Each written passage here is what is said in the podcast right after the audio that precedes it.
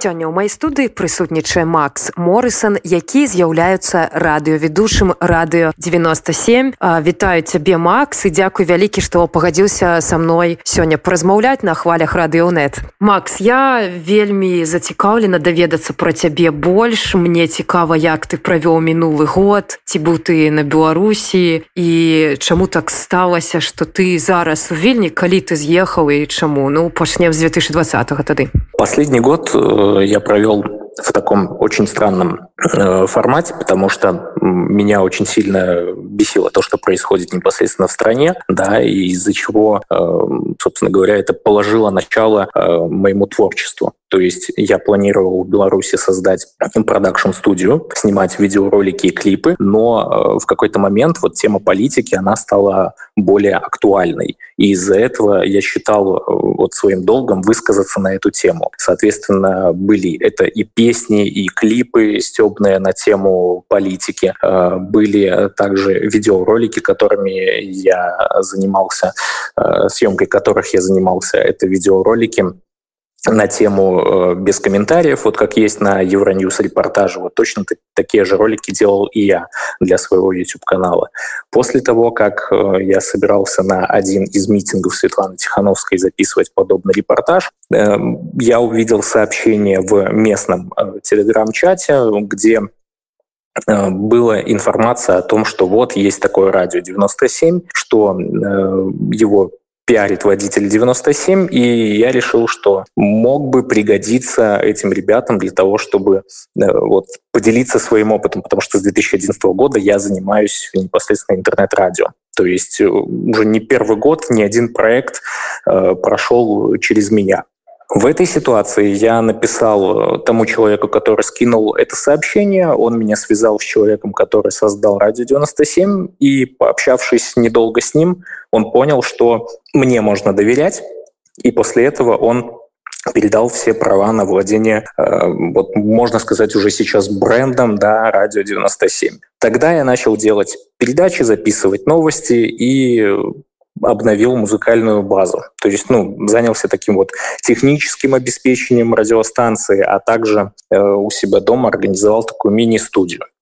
После этого, получается, когда уже произошли непосредственно выборы, когда началась вот эта вот жесть, о которой никто не мог подумать в Беларуси, пришло время и э, убегать из страны мне, потому что по факту независимой журналистикой в Беларуси заниматься невозможно. И, соответственно, э, когда мне позвонил человек из Губопика, я уже понимал, что ну, из камеры я точно вещать не смогу, и быть полезным никак у меня не получится. В этом случае я просто принял решение, что нужно будет уезжать, и уехал в Украину. Там я познакомился с ребятами, которые какое-то время мне помогали с радиостанцией. С этими ребятами мы в Украине пробыли два месяца, потом перебрались в Польшу. В Польше мы уже конкретно организовали уже, ну, можно сказать, такое студийное, домашнее студийное вещание. То есть мы закупили оборудование, мы начали вещать на YouTube, и э, в какой-то момент мы э,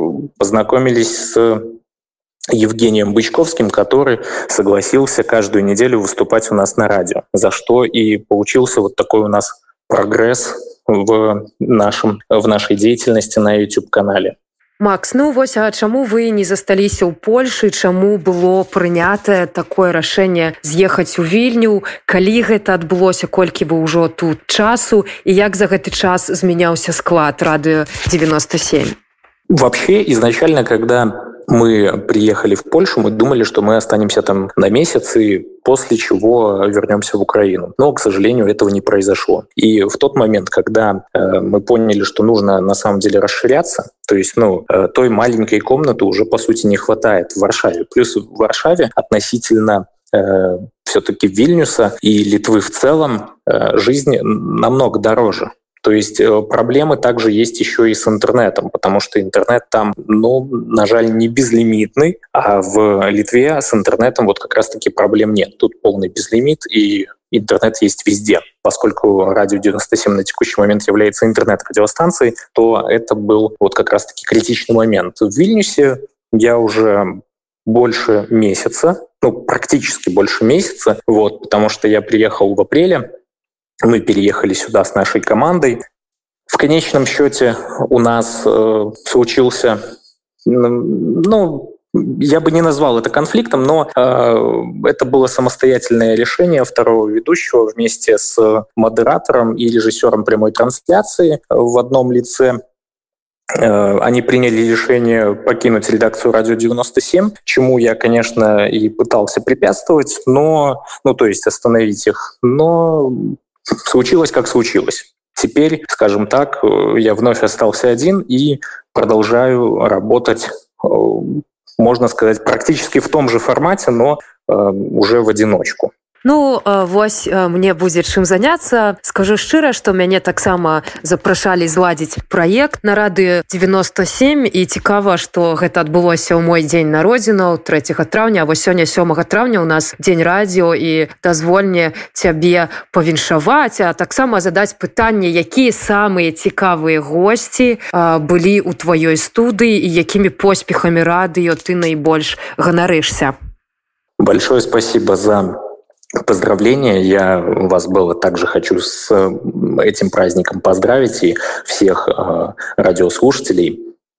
Э, из тех гостей, которые были наиболее яркими на радио 97, я бы, наверное, отметил э, Дмитрия Щегельского, ну, потому что все-таки это тот человек, который э, может очень много рассказать о, э, скажем так, психике э, гражданина Лукашенко. Вот. Очень хотелось бы отметить также Дмитрия Болкунца. У него очень клевое чувство юмора. Э, Ярослав Романчук. Это, э, я считаю, вот из э, всех экономических обозревателей, которые были на радио 97, это просто лучший человек, который может рассказать э, про многие моменты, включая серые, серые схемы э, гражданина Лукашенко. Ну и, конечно же, это Евгений Бычковский, российский политолог, и Алена, э, простите, пожалуйста, и Олеся Бацман, это украинская журналістка жена Дмитрия гордона. Макс ну напэўна цікава зараз будзе даведацца як ты прыйшоў у радыё. Ты сказаў что ўжо з 2011 года працуеш. І якім ты бачыш змены у радыё 97 які ты будзеш зараз ажыццяўляць у вільні Что касается вот того, как я вижу радио 97 э, в будущем, ну, я бы сказал, что это э, хотелось бы, по крайней мере, видеть такое большое информационное агентство со своими корреспондентами, со своими журналистами, которое производит э, круглосуточно очень интересный контент.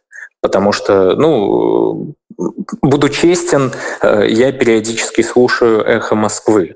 Э, это интересная радиостанция в плане и я не скажу про идеологию, да, она интересна в плане своей структуры.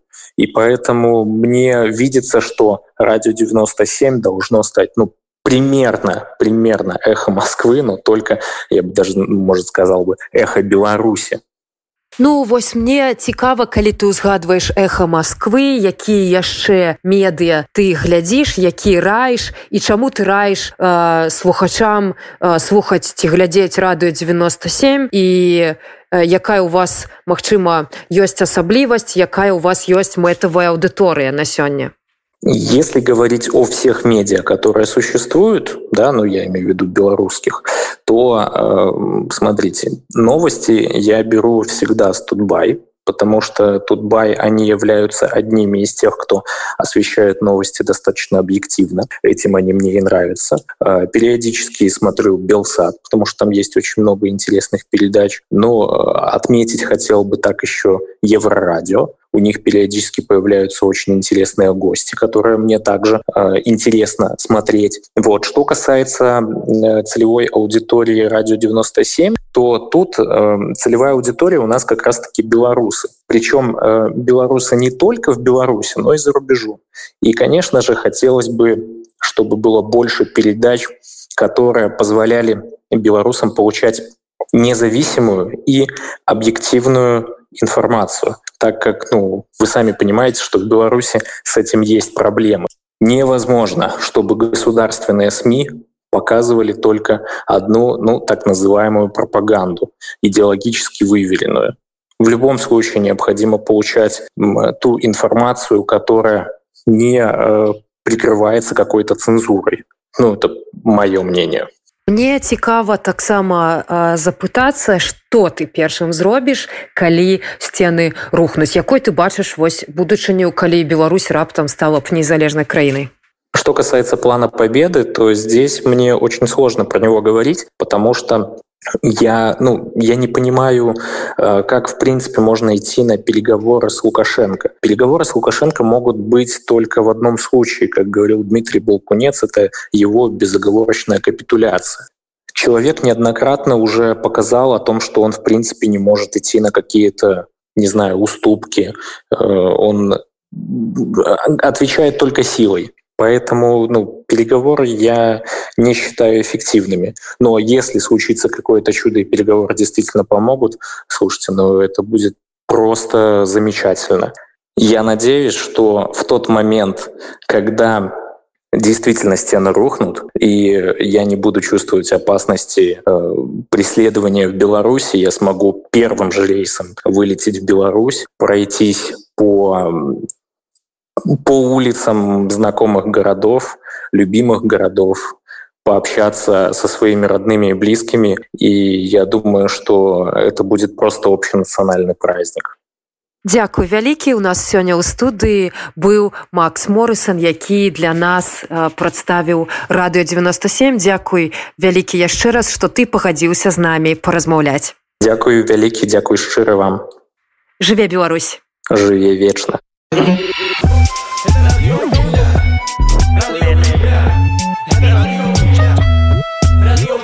Shores.